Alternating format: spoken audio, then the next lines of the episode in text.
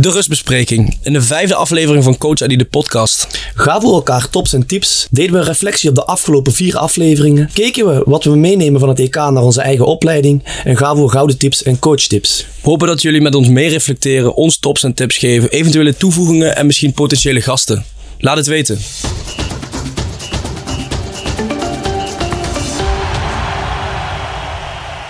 Welkom bij Coach ID de podcast. Vandaag zijn we weer in Venray voor de rustbespreking. We reflecteren terug op de eerste vier afleveringen.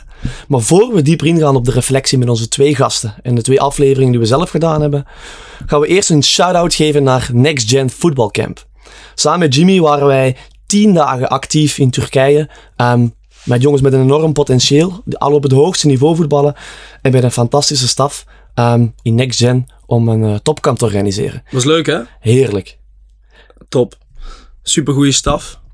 Ja, mooi hotel. Veel trainingsmomenten. Ook heel breed. Dus eh, yoga, mental coaching, voeding. Ehm, ja, dat was top. Top ervaring.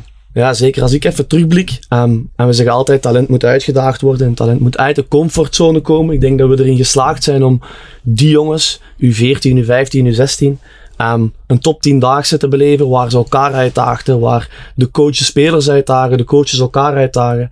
Ehm, en ook gewoon in een topomgeving. Dus ik denk dat we die jongens echt wel 10 dagen uit hun comfortzone gehaald hebben. Eh, en dat we er ook wel gewoon in geslaagd zijn om dat echt een meerwaarde te laten zijn ook. Ja.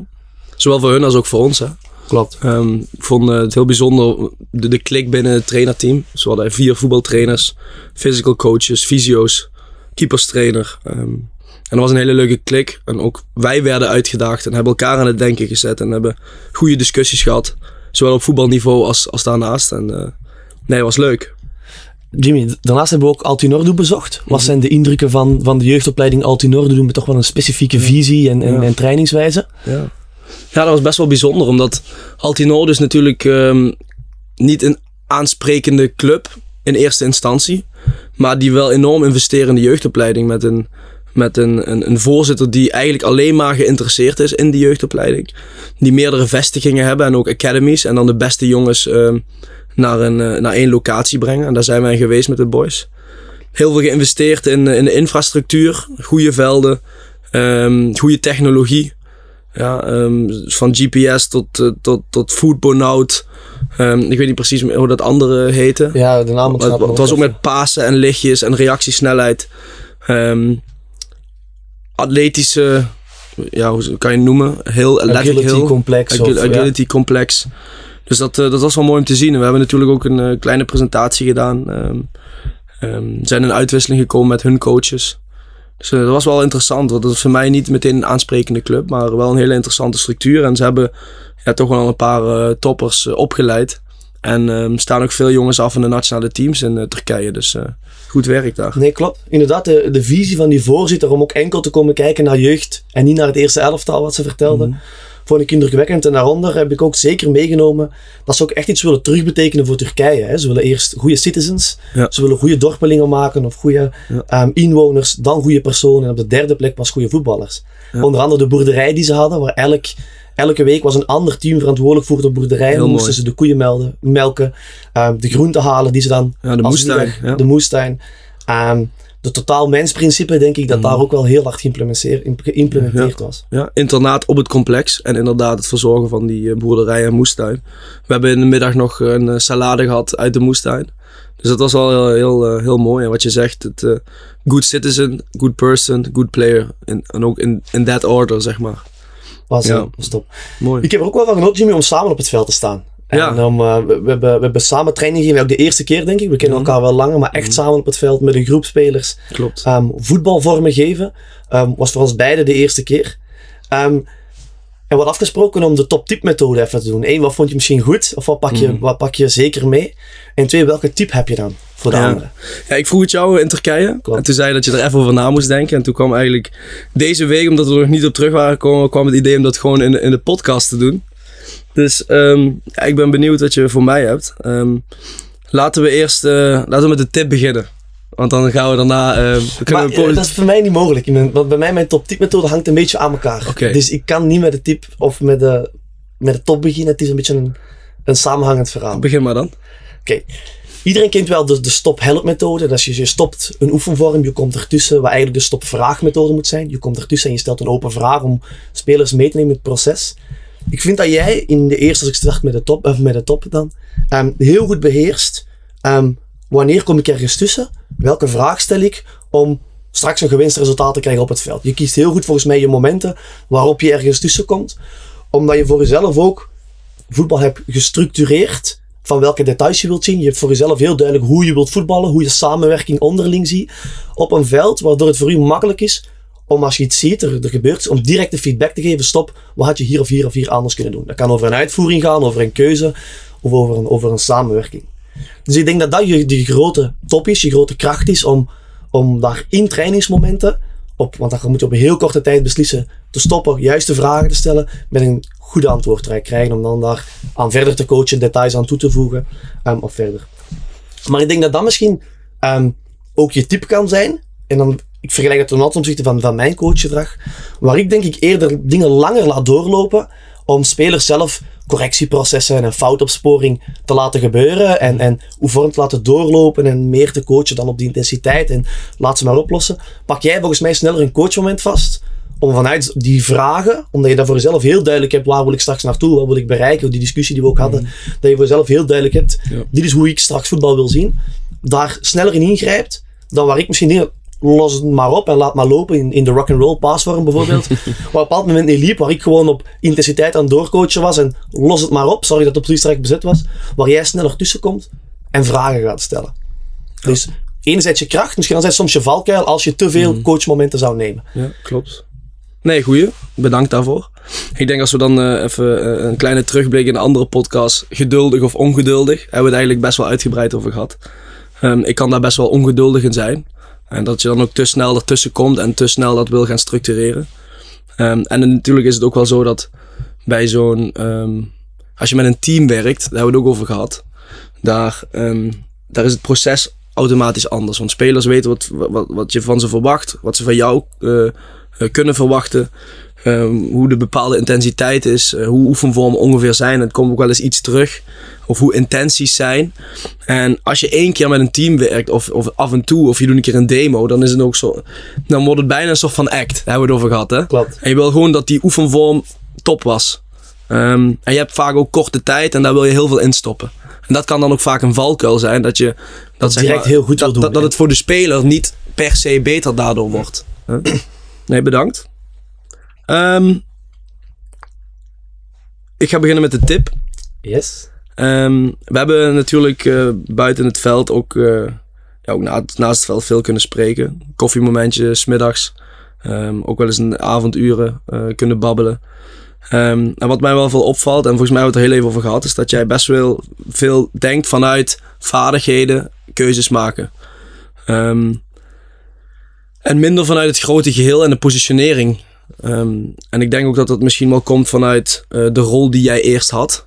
Maar vanuit de rol die jij nu hebt of naartoe wilt of gaat krijgen. Ik denk dat het ook wel heel belangrijk is om het, het, het, eh, de holistische eh, structuren en de positionering vanuit een team. En vanuit daar het keuzes maken en de vaardigheden zeg maar, te trainen. Waar heel veel oefenvormen spelers eigenlijk op alle posities komen. Ehm, en ik hou daar ook wel van. Bijvoorbeeld begin van de week.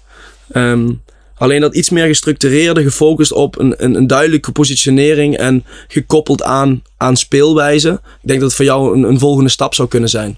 Top. Ehm, kan ik, kan ik me volledig in vinden. Ik denk dat ik in podcast 2 of 1 daar ook zelf wat dieper op inga. Dat mijn grootste groeimarge ligt. Ehm, of ik zal het anders zeggen. Mijn valkuil is dat ik nooit een teamcoach ben geweest in het 11 tegen 11. En dat is misschien wel een stap in mijn proces dat ik ergens misschien wel gemist heb. Om ook echt te gaan denken vanuit hoe gaan we straks voetballen, hoe gaan we samenwerken, hoe willen we op voetbal op het middenveld komen, hoe willen we kansen creëren, hoe willen we gaan scoren. Dat dat een stap is die ik wel heb overgeslagen, die ik misschien nu inderdaad wel mis. En eerder grijp naar de dingen waar ik me heel comfortabel bij voel. En dat is ook heel veel in mijn vormen laat terugkomen als ik op clinics, op camps ben. ehm, door te trainen vanuit vaardigheden. Ja. Daar kan ik me zeker eh, in vinden, thanks. En de top ehm, is eh, wel, wat mij echt opgevallen is, is gewoon de, jouw oprechte interesse op relatieniveau. Dus dat is niet alleen eh, tijdens de training, maar ook daarvoor, daarna. eh, bij het eten, op de gang. Gewoon echt, je merkt gewoon dat je oprechte interesse hebt op dat moment in een bepaalde speler. En dan ook zo'n gerichte vragen stelt en ook doorvraagt. Waardoor het meer is dan alleen small talk. En je merkt van die speler dat hij zich echt ehm, gezien voelt. En dat hij toch echt wat, ehm, dat hij echt met een goed gevoel dan bij je weggaat. En dat is wel iets wat ik, wat ik wel meeneem. Ik, ik, ik praat natuurlijk ook wel eens met spelers. Alleen ik weet niet of ik zo gericht door blijf vragen. Ehm, misschien moet je dat een keer gezien hebben of daar ook op gefocust zijn. Dat dat, dat, dat langzaam gaat. Misschien heeft het ook gewoon met interesseniveau te maken. Misschien ben ik iets kouder als coach. En probeer ik alleen de momenten te pakken dat ik echt het gevoel heb van, van nu, nu moet ik hem iets zeggen. Dat kan misschien ook uh, een, een, verschil zijn in persoonlijkheid. Maar ik merk bij jou gewoon dat het echt oprechte interesse is en dat je daar heel veel mee bezig bent. Dus dat vond ik wel dat vond ik mooi om te zien. Top, top. Kan, kan ik me wel in vinden. Ik denk dat mijn werkpunt en mijn kracht misschien ook wel bij elkaar hangen. Waar je mm. op teamniveau misschien af en toe wat strakker moet zijn. Mm. Um, wat meer structuur aan jongens moet aanbieden. Um, discipline, afspraken. Mm waar ik hard op individu ben op het veld, ben ik daar een beetje ook naast het veld. Waar je zegt, mijn valkuil is op, op, op het veld. Dat ik daar ook heel vanuit individu, vanuit vaardigheden en keuzescoach. Mm. En dus naast het veld ook heel hard grijp naar het individu. Mm. En ik denk één dat er een stukje persoonlijkheid is. Dat je, ik voel mezelf ook graag goed bij spelers in, in twee richtingen. Ik heb ook graag um, dat spelers voelen dat, dat ik oprecht interesse heb. Ik geloof ook dat ik dan meer impact kan hebben op het veld. Mm um, dat is een beetje de discussie of je, die ik onlangs had, was een interessante discussie. Moet, moet je een mental coach hebben in het jeugdniveau? En waar ik zei dat ik geloof in een, op, zeker op jeugdniveau, in een holistisch model, waar als ik straks iemand help met een overleden oma naast het veld, dat de impact die ik kan hebben op die specifieke speler ook gewoon groter kan zijn. Dus dat ik denk dat dat iets op je palet moet zijn van een coach, um, dat gewoon cruciaal is. En zeker in de leeftijdsgroepen waar je denkt met jonge pubers die nood hebben aan interactie, die nood hebben aan relatie. Ja. Um, dus um, nee, mooi. Goeie okay. top tips. Super. Um, we hebben natuurlijk in de eerste podcast erover gehad waarom, we, waarom, we, ja, waarom we dit zijn begonnen. Um, eigenlijk ook vooral, vooral voor onszelf, om daar zelf beter uit te worden, om onszelf te reflecteren, ons aan het denken te zetten. We hopen natuurlijk dat de, dat de luisteraars daarin meegaan. Maar het is een proces. En, en aan de hand van dat proces gaan we even luisteren naar de Vlaamse stem. Soms gaan we zo op in het eindproduct dat de wijsheid die uit het proces te halen is, verloren gaat. Haast je niet. Forceer je niet. Vertrouw op het proces en het resultaat zal volgen. Fantastische stem weer al, een fantastische zin of gedicht of, of um, woordspeling. Ik denk dat dat zeker iets is dat we sowieso kunnen meenemen. Een beetje wat ik de reis als tip aan Jimmy gaf. Geduld zijn in ontwikkeling. En ook wij zijn hier volop in aan het ontwikkelen. Wij zijn aan het groeien in het maken van een podcast.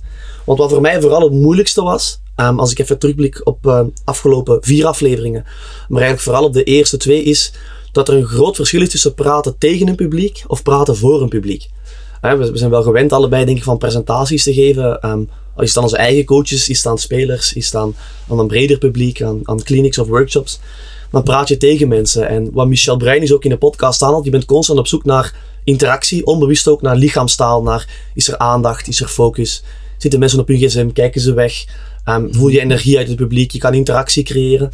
En dat is wat je nu niet hebt. Je praat meer voor een publiek. Je probeert zeker in de eerste twee afleveringen de kennis die wij op dat moment bezitten, of wat er op dat moment in ons hoofd gaat, of welke vragen wij ons stellen, mm. Ehm, beluisterbaar te maken voor onze luisteraars. Dus dat is soms een, wel wat zoeken. We praten nu wel tegen elkaar. Maar hoe kunnen we het ook ehm, leuk te beluisteren maken voor, voor, voor onze luisteraars, zonder dat wij eigenlijk directe feedback krijgen, die, die er niet is. Die is een beetje uitgesteld. En als ze dan al feedback geven, want sommigen sturen van hey, top of, of, of dit, dat had ik wel anders gedaan. Um, terwijl je voor een publiek eigenlijk bijna instant feedback krijgt. Van gewoon aan de houding van, van, van, je luisteraars. En ook vaak vragen waar je meteen weer op ingaat. Ja. Klopt. Dus dat was voor mij in die, in die eerste twee. Als ik dan even kijk naar, naar onze twee gasten.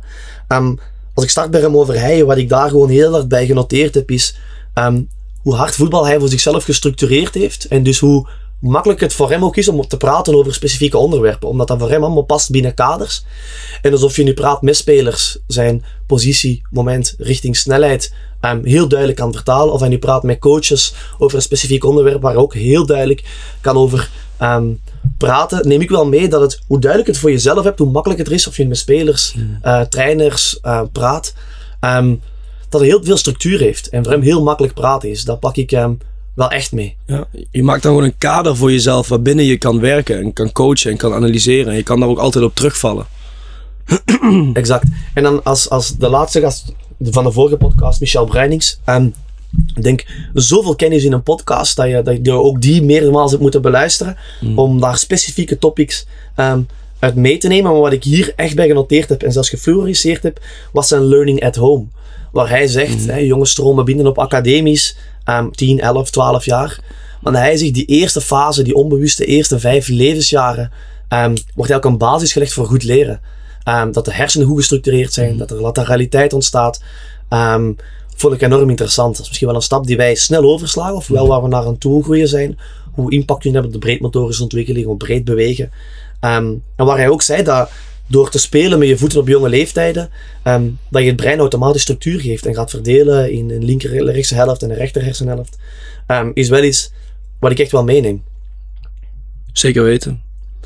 Ja, als ik even terug eh, reflecteer op de, op de eerste afleveringen. ehm, het heeft me ook heel veel zelf aan het denken gezet. Want als ik, eh, als ik even nadenk over die dilemma's. Je legt jezelf natuurlijk al ontzettend bloot. En natuurlijk denk je daar zelf al over na. Alleen nu moet je echt op zo'n platform daar antwoord op geven. En dat is een oprecht antwoord. Maar je legt jezelf al ontzettend bloot daarmee. En ehm, dat heeft me wel echt gewoon super erg aan het denken gezet. Zowel in de voorbereiding op de podcast. Als ook tijdens de podcast. Omdat je gewoon discussies krijgt die je van tevoren niet kan plannen. Ja. Dan, ja, voor het maken van de podcast dat natuurlijk iets nieuws. Ehm, we kunnen zelf ehm, allebei redelijk goed praten, aankondigen en zo ging ons, naar mijn mening, wel oké af.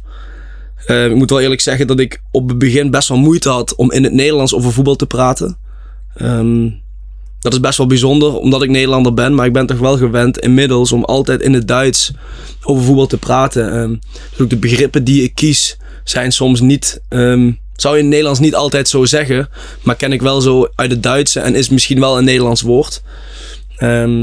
En ik merk dat ook wel met trainen geven in Turkije. Als je, als je, als je trainen geeft, op een gegeven moment, ehm, ja, sommige dingen zijn ook routines. De, de coaching die je pakt, de manier van praten. En daar had ik wel even moeite mee in het Nederlands, maar dat gaat dan ook wel, wel weer redelijk snel. En ik denk ook juist wel dat het een kracht kan zijn dat ik begrippen die in Duitsland normaal zijn, misschien kan vertalen in het Nederlands. En die misschien hier niet echt, ehm, echt gebruikt worden. Dus ik heb misschien wel een paar voorbeelden daarvan eh, genoemd. Dan de tweede aflevering over authenticiteit. Ehm, ik geloof dat er, eh, dat er eh, persoonlijkheden zijn in het voetbal die daar vanuit het voetbaloogpunt over authenticiteit nog veel meer kennis hebben dan, dan wij. Ik denk dat wij ook eh, vooral veel uit eigen ervaring en over onszelf hebben gepraat. En dat het daardoor alsnog wel een, eh, heel, eh, ja, een hele goede podcast is geworden. Ehm, met de gasten, allebei totaal verschillend. Ehm, ik heb ze ook alle twee, twee keer moeten luisteren, terwijl ik ook bij het gesprek zelf aanwezig was. Dus dat maakt, maakt eigenlijk drie keer. Ehm Raymond is natuurlijk in zijn, in zijn, in zijn ja, heel gestructureerd. Heeft een heel duidelijk kader voor zichzelf. En ik denk, wat ik net al zei, dat dat kader ehm, ja, iets kan bieden waar je altijd op kan terugvallen. En waar, waar, je moet gaan leren denken. Maar dat, duurt, dat heeft wel tijd nodig voordat je in deze kaders kan gaan denken. Maar zeker interessant om, eh, om de komende tijd ook mee aan de slag te gaan. En, en, ehm, en eh, daar ook ja, cursus verder voor te volgen om, ehm, om dat te kunnen gaan gebruiken. En Michel Bruinings ehm, zegt zoveel interessante dingen. Waarvoor ik voor mezelf soms best wel moeite had om die touwtjes dan aan elkaar te knopen. Ehm, maar als je heel goed oplet, ja, zitten daar echt dingen bij die heel waardevol eh, zijn. En je hebt net al, je hebt net al één ding genoemd. Ik geloof wel dat zijn methode en zijn manier van werken. We hebben er in Turkije heel even over gehad. Ik geloof wat dat betreft wel in radicalisme, zeg maar. Dus als je zoiets doet, moet je het heel radicaal en, en, en, en, en blijven doen. eh, en heel structureel blijven doen. Voordat het echt effect heeft. En dat is hetzelfde met die food burn-out. Dat is leuk om een keer eens te doen. Maar echt een, echt een, een, een, een meerwaarde heeft het pas als je dat ook radicaal gaat doen. Ja, we hebben gesproken dat in België ehm, er, eh, er eerst een blote voetenschool was. Die echt alles op blote voeten, alles gebaseerd op vaardigheden. Het is leuk om een keer op blote voeten te voetballen, maar dan heeft dat niet per se een effect. En ook daar denk ik dat als je het radicaal doet, dat het dan wel een effect kan hebben. Ehm, en ik denk ehm, ja, ook de, de methode van Michel Bruinings, voordat je de hele methode gebruikt en die ook echt kan gaan toepassen, dat het ook een, een, een- een proces is, dat dat tijd nodig heeft. Maar alle dingen die je kan meenemen, eh, waren, waren al heel waardevol. Dus, Zeker. Over dat radicaal, ik denk, ik denk ehm, er was onlangs een YouTube-video van Pepijn Leijner die ook zei: Our identity is intensity. En van de eerste vorm tot de laatste vorm Mhm. staat intensiteit centraal. Plus de penetratie van de laatste linie. Dat waren twee dingen die voor hem centraal stonden. En hij zei eigenlijk letterlijk: Wij gaan heel radicaal. Of het nu een warming-up vorm is, of het nu een pas- en trapvorm is, of het nu wedstrijdvormen of afgeleide wedstrijdvormen zijn. Dit willen wij altijd terugzien. Ja. Eender wat dat we doen. En of dat dan nu gaat in visie, speelwijze ehm, of methodiek. Ik denk radicaal zijn in iets is gewoon noodzakelijk om straks resultaat te halen binnen datgene wat dat je wilt zien. Ehm, dus dat is inderdaad iets echt overtuigd zijn van wat je bent, daar all in op gaan.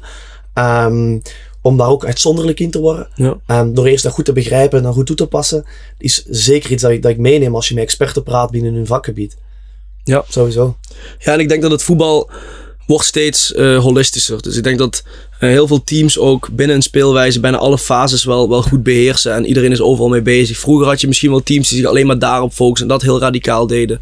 En, en dat is er nog steeds wel. En dat is wel heel differentieel. Alleen ehm, binnen, binnen een, een, een filosofie van de jeugdopleiding zijn er altijd wel dingen waar clubs wel heel radicaal in zijn. Want ik denk dat iedere jeugdopleiding heel breed wil opleiden. Ja, dat is normaal. Ehm, maar ik denk dat dit echt effect, echt effect heeft als je het heel radicaal doet. En hetzelfde met die intensiteit. Dan liever misschien korter trainen of, of kortere herhalingen pakken. eh, bepaalde dagen van de week. Maar als je iets doet, dan wel in de 100% intensiteit. Want anders leid je misschien slecht voetbal, zeg maar in hun ogen slecht voetbal op. Of voetbal wat niet intensief genoeg eh, wordt gespeeld. Oké. Ja, een kleine terugblik. Ik, ehm, ik hoop dat we aan de hand van deze podcast eh, misschien nog iets meer in interactie kunnen komen met, eh, met vaste luisteraars. Ja, misschien hebben jullie ook tips en tops aan ons als, als podcastmakers. Eh, dingen die jullie misschien willen toevoegen. Misschien interessante gasten die wij zouden, zouden kunnen uitnodigen. Dus het zou mooi zijn als we via Instagram, dat is eigenlijk het kanaal waar, waarover wij communiceren, daar een mooie interactie kunnen gaan krijgen. En ehm, ja, ben benieuwd. Yes, zeker. Een, eh, een vraag voor interactie, een vraag voor ehm, tips, tops. Uh, mag je zeker eh, shooten. Zo, EK is achter de rug. Klopt. We moeten eerlijk zijn, Jimmy, we hebben niet alles kunnen zien. Ook in, in Turkije Jammer, we ja. zelf veel bezig met, eh, met voetbalmomenten op die tijdstippen. Omdat het was natuurlijk bijzonder warm en dus ook zelf veel aan het trainen op die momenten. Mhm. Ehm, De spectaculaire wedstrijden hebben we gemist, hè? exact, exact. Alleszins live gemist. Ik ben wel op zoek gegaan naar Zeker. terugkijkmomenten. En, en Zeker. zo. Zijn er dingen die jij specifiek meeneemt voor jezelf, voor ehm, je methodiek, voor implementatie of dingen waar je zegt, die zijn me echt opgevallen en wil ik wel mee aan de slag meenemen, verder over nadenken? Ja, ik heb, ik heb wel echt nagedacht over Engeland. Ehm toernooivoetbal is dan misschien dan weer wat anders dan, dan, dan competitievoetbal. En bij Engeland was duidelijk te zien het dilemma risico of controle, hebben we het in de podcast over gehad, dat Southgate duidelijk gekozen heeft voor controle. Want als ik zie wat voor een stabiliteit hij heeft ingebracht met misschien niet de meest aansprekende spelers op het middenveld. En daarvoor de creativiteit die hij op de bank heeft laten zitten, maar wel daarmee de finale haalt. Dan ehm, heeft hij misschien eerst gekozen om, om stabiliteit te hebben, om, om, om, om controle te hebben, om wij minder weg te geven. Want dat zijn natuurlijk niet spelers die zich ook in het aanvalspel direct gaan, eh, gaan betrekken. Heeft hij misschien ook vertrouwd in de kwaliteit die hij dan voorin wel heeft. Ehm, en als ik dan even kijk, de laatste keer dat, dat Nederland in de finale kwam van de eindronde in 2010. Toen had je ook voorin veel kwaliteit. Maar had je ook op middenveld Nigel de Jong en Mark van Bommel. Dan zeg ik niet dat dat slechte voetballers zijn. Helemaal niet. Maar het zijn wel allebei controleurs. Die ook zorgen voor een bepaalde controle. Een vastigheid geven in een team. Hij blijft daarmee misschien wel heel lang in een toernooi. Dus ik heb daar wel over nagedacht. Ehm, toernooivoetbal versus, ehm, versus competitievoetbal. En ik denk in het, in het jeugdvoetbal is dat, is dat ja, iets anders. Alleen als je naar een toernooi gaat, ga je er naartoe om te winnen. Of het nou eh, jeugdvoetbal is of, of, of, een eindronde senioren. Ehm, daar ben ik heel eerlijk in. Dat, dat is ook de message die ik spelers meegeef. We gaan hier naartoe om te winnen. Want anders hoeven we niet naar een toernooi te gaan. Ehm, en dat is ook het ontwikkelingsproces om het winnen van wedstrijden. En ik geloof wel dat je bij, bij, ja, bij, bij een toernooi soms iets meer controle kan inbouwen. Eh, al is het jeugdvoetbal, eh, is de tijd vaak kort. Ja, en is het vaak een, een, een wildere speelwijze. ehm, waar één goal vaak genoeg is. En je vooral geen goals tegen moet krijgen. Ehm, dus ja, ik, ik hou er wel van. Toernooivoetbal en het jeugdvoetbal. Alleen dat heeft me wel echt aan het denken gezet. Ja, mooi. Toernooivoetbal op jeugdniveau is, is, is gewoon een ideaal ervaringsmoment om om te gaan, leren omgaan met druk, met winnen en verliezen. Ehm, er is altijd druk, want voor één keer verliezen kan ervoor zorgen dat je bent uitgeschakeld. Ja. Ehm, en dat zijn inderdaad mooie momenten, denk ik, om dit soort topics aan te reiken. Hoe gaan we nu zorgen voor meer controle? Hoe gaan we zorgen voor veiligheid inbouwen? Hoe gaan we zorgen dat we geen doelpunten tegenkrijgen? Ja. Ehm, en dan kan je zeggen dat is om te winnen, maar je kan ook gewoon zeggen dat dat straks is om een ideaal leermoment te creëren, of een leeromgeving te creëren, waarbinnen dit noodzaak, waardoor je noodzaak creëert om dat ook gewoon goed neer te zetten. Ja. Dus eh, mooi. Is jou iets bijgebleven? Want, ja. Ja, ik had, ik had drie dingetjes genoteerd die ik ook meteen wil vertalen op jeugdniveau. Ehm, en dan wil ik eerst starten met ehm, Italië, die als je kijkt naar de tactische en positionele flexibiliteit dat die spelers hadden, maar ook Engeland, die in verschillende formaties hebben gevoetbald. Ehm, omdat op jeugdniveau dat ik soms denk dat wij te eenzijdig voetballen. En dan misschien geen, geen aanval naar de bond, maar dat Van de Bond ook wel een formatie uitdraagt, die dan wordt weer uitgedragen door hun opgeleide trainers. En dan volgens mij net kracht zit ook in, in diversiteit daarbinnen. Spelen tegen een 4-4-2, spelen tegen een vijfmans defensie, spelen tegen een twee-spitsen systeem die ten opzichte van elkaar constant die twee centrale verdedigers aanvallen. Ehm, dus ik denk dat we op jeugdniveau misschien, als ik kijk wat zouden we dan uit die tactische flexibiliteit van het EK moeten meepakken, is net meer veranderde omstandigheden aanbieden aan, aan onze spelers. Zowel in posities, door verschillende posities te laten spelen, als in verschillende formaties. Ja. Ehm, ik denk dat daar één heel veel grote winst uit te halen. Ehm, dan het tweede had ik gezien dat een, ehm, een, een, een statistiek 60 van de 90 goals komen van in de penaltybox. Maar als ik vandaag kijk naar, als ik spitse trainers, video's online zie komen, zie ik nog heel veel ehm, training van buiten de box. Van spelers die de bal, je kent de ideale curve naar de verste hoek trainen. Terwijl als je weet dat 60 van de 90 goals, dus bijna een 62, 63 procent, in de box wordt gescoord, in één tijd of open play, moeten gewoon afwerkvormen of spitsentrainingen in de box gebeuren. Ja. Dat is het tweede. En als derde, ehm nu weer heel veel met een 3-5-2 of een 5-3-2 gevoetbald. Of hoe dat je dat ook, of een 5-2-3 of een 3-4-3. 3, 3, 3 achter. of Exact. Maar die 3 achterin wordt ook regelmatig 5 achterin op het moment dat ze gaan verdedigen. En wat je dan zag, was dat zo ploegen die misschien minder comfort hadden aan de bal, heel veel kozen voor controle te houden. En dus het veld ook heel compact en klein houden. En wat ik dan soms miste was, ik vond spelers aan de bal in hun passing echt goed. Van Spanje, ik denk dat het Rodri was die, die outstanding was. Maar in het 1 tegen 1, het uitspelen in frontale acties met of alleen, ehm, vind ik dat we op jeugdniveau nog meer tijd en ruimte moeten creëren om hoe kan ik nu alleen een defensive wall doorbreken? Hoe kan ik ehm, acties aangaan, ook al is er dekking? Hoe kan ik ehm, iemand uitspelen als die muur voor in 16 staat? Ehm, dus wat ik daar heb meegenomen, of wat ik daar heb opgeschreven om mee te nemen naar jeugdniveau is nog meer ruimte voor lef en creativiteit laten. En als je zeker dan kijkt op, op 8 tegen 8 of, of daaronder, ehm, spelers aan de bal creëren die met lef, met initiatief, heel veel ruimte voor fouten laten. Ik heb ook een keer een coachtip meegegeven van als de bal buiten gaat in partijvormpjes ehm, op training, laat die 1 tegen 1 gewoon buiten het veld verder gaan. Wie hem eerst in het veld brengt in de 1 tegen 1, ehm, kan weer verder. Dus ik geloof individuele klassen, maar niet vanuit passing, maar vanuit het passeren, het frontaal passeren, ehm, waar die tegen ook echt uitspeelt en niet omspeelt of niet vrijmaakt. Ehm, daar denk ik dat, ik vind dat Steuling daarin geslaagd is. Ehm, Doku van België daarin geslaagd is. En dat miste ik nog meer om echt die defensive wall, zoals ik dat graag noem, te breken. Ja. Ik vind sowieso dat heel veel spelers die, die positief opgevallen zijn, dat dat heel veel structuurspelers waren. Ook spelers die veel achter de bal spelen. En echt in de eindfase zijn er niet veel spelers geweest die daarin echt het verschil hebben kunnen maken. Ehm, misschien waren het wel de afronders. Ja, ehm, maar niet echt de, de, de, spelers op de buitenkant of, of, of op de tien of tussen de linies die daarin het verschil hebben kunnen maken. Dat kan met de goede defensiefstructuur te maken hebben die, die, die, die teams eh, hebben. Er zijn niet meer veel teams die echt helemaal weggespeeld worden. Iedereen speelt goed in de organisatie. Wat je zei, veel met drie achterop of met vijf, hoe je het ook wil noemen. Maar daarin ook wel heel veel, ehm, ehm, ehm, heel veel verschillen. Hoe dat dan werd uitgevoerd. Denemarken eh, speelde soms zo en dekte dan extreem door in het middenveld. Italië die eigenlijk vanuit een vier vaak met z'n drieën kwamen, zeg maar. Of met z'n drieën vaak met z'n vieren kwamen in de opbouw. Dus daar zitten er weer heel veel verschillen in. Ja, maar alleen Italië is, eh, dat had ik ook opgeschreven. Ehm, als je ziet dat ze ook, ze waren niet bij het WK, ze zijn dan nieuw gaan bouwen, heel veel spelers gebruikt. Op een gegeven moment heel, of helemaal geen wedstrijden meer gaan verliezen. Eigenlijk een, een speelwijze erin gebracht die helemaal niet Italiaans is. Vroeg de bal willen winnen, snel druk op de bal. Heel dynamisch in de positionering. Uh, goede pasers van, van, van achteruit.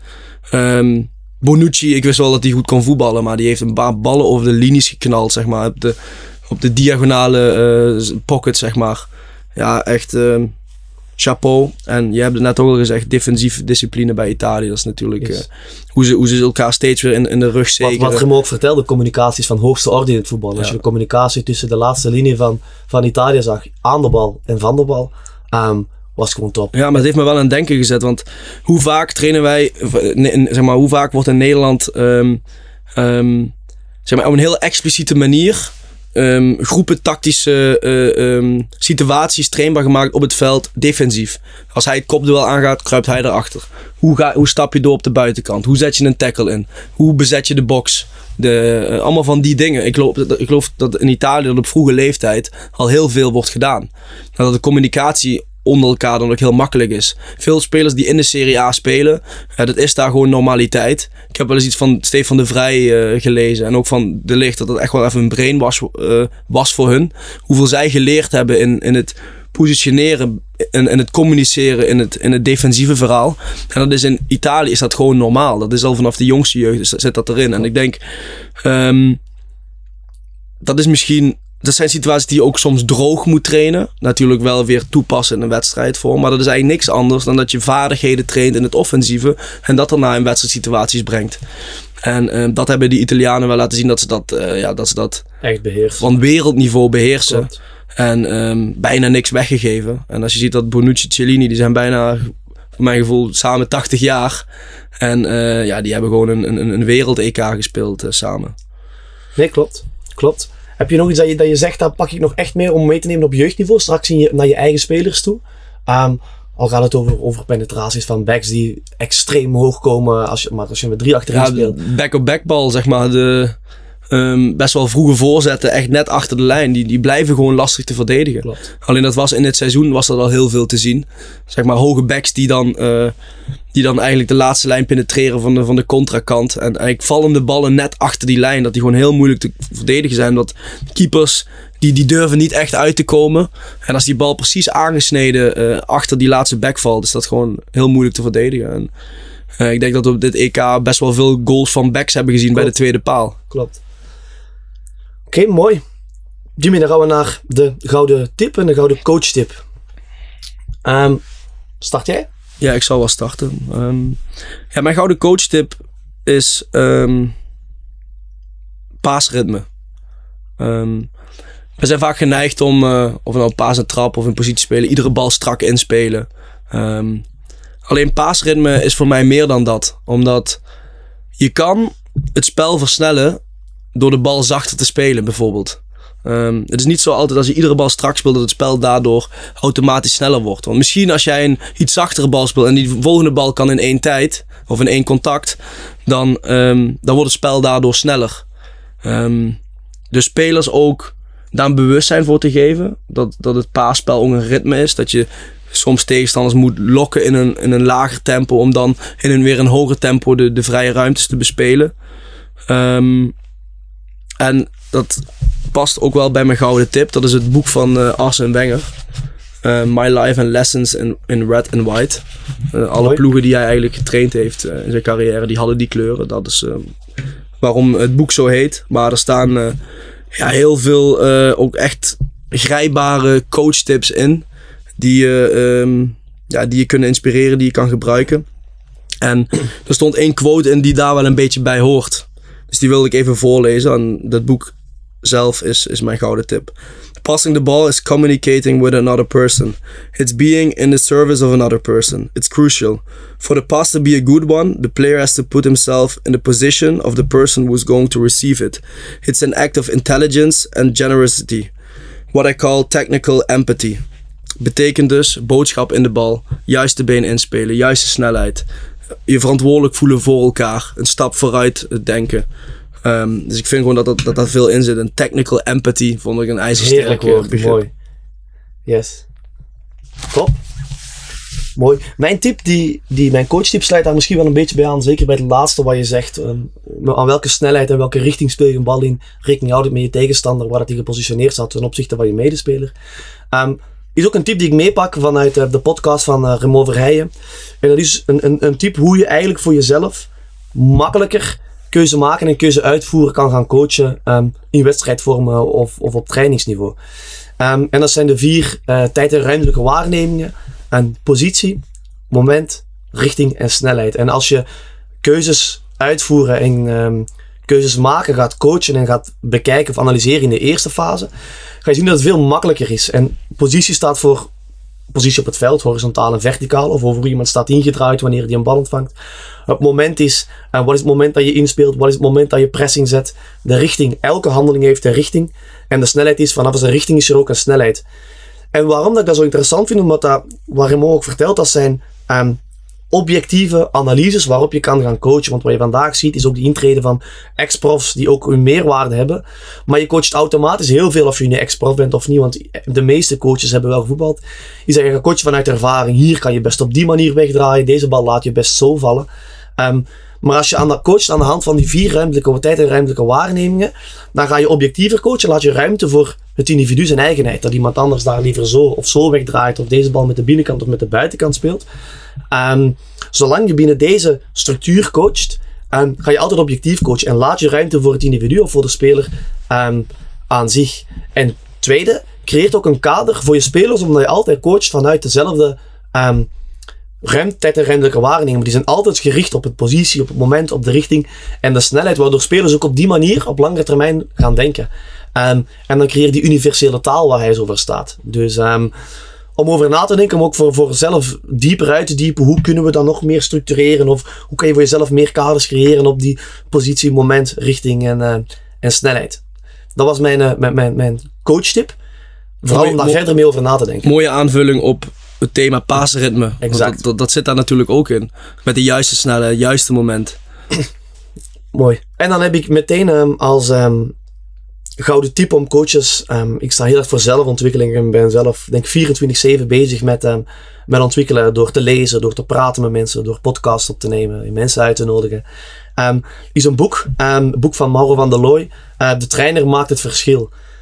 Eender op welk niveau denk ik dat je coacht, is dit een uitstekende, um, ook een stukje een reflectietool, maar ook handvaten die daarin staan.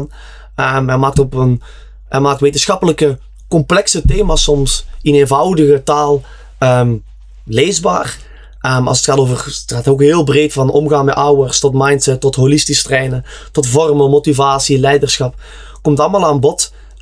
Dus gewoon echt een tip voor elk, elke voetbaltrainer op elk niveau om, om, daar, om daar eens in te lezen. Dingen uit mee te pakken waar je je bij aangesloten voelt. Um, dus um, mijn gouden tip is um, positie, moment, richting, snelheid. En het boek van Mauro van der Looy, de trainer, maakt het verschil. Mooi. Dat uh, was hij alweer. Podcast 5, de rustbespreking. Yes. Ik denk dat we iets langer gesproken hebben dan een gemiddelde rustbespreking. Klopt. Rustbespreking altijd kortbondig, heel duidelijk. Ja, Duidelijke precies. kaders bieden, even reflecteren, meteen vooruitblikken. Op manier vooruitblikken. Kunnen we daar al iets over vertellen, Jimmy? Ja, we gaan uh, de komende podcast gaan we weer, uh, gaan we opnemen met een gast. Um, in een van de podcasts zal het uh, Henk de Jong zijn. Trainer van Cambio Leeuwarden. Waar we enorm naar uitkijken. En natuurlijk een zeer authentieke trainer. Ja, met een duidelijke eigen mening, eigen visie, eigen manier van, van coachen. En een mooie persoonlijkheid. Klopt. Dus uh, we gaan nog twee podcasts opnemen met een gast. En dan sluiten we af met het uh, eindsignaal. En dan uh, is dat seizoen 1 van Coach ID, de podcast. Dus bedankt voor het luisteren naar aflevering 5. En hopelijk tot de volgende keer.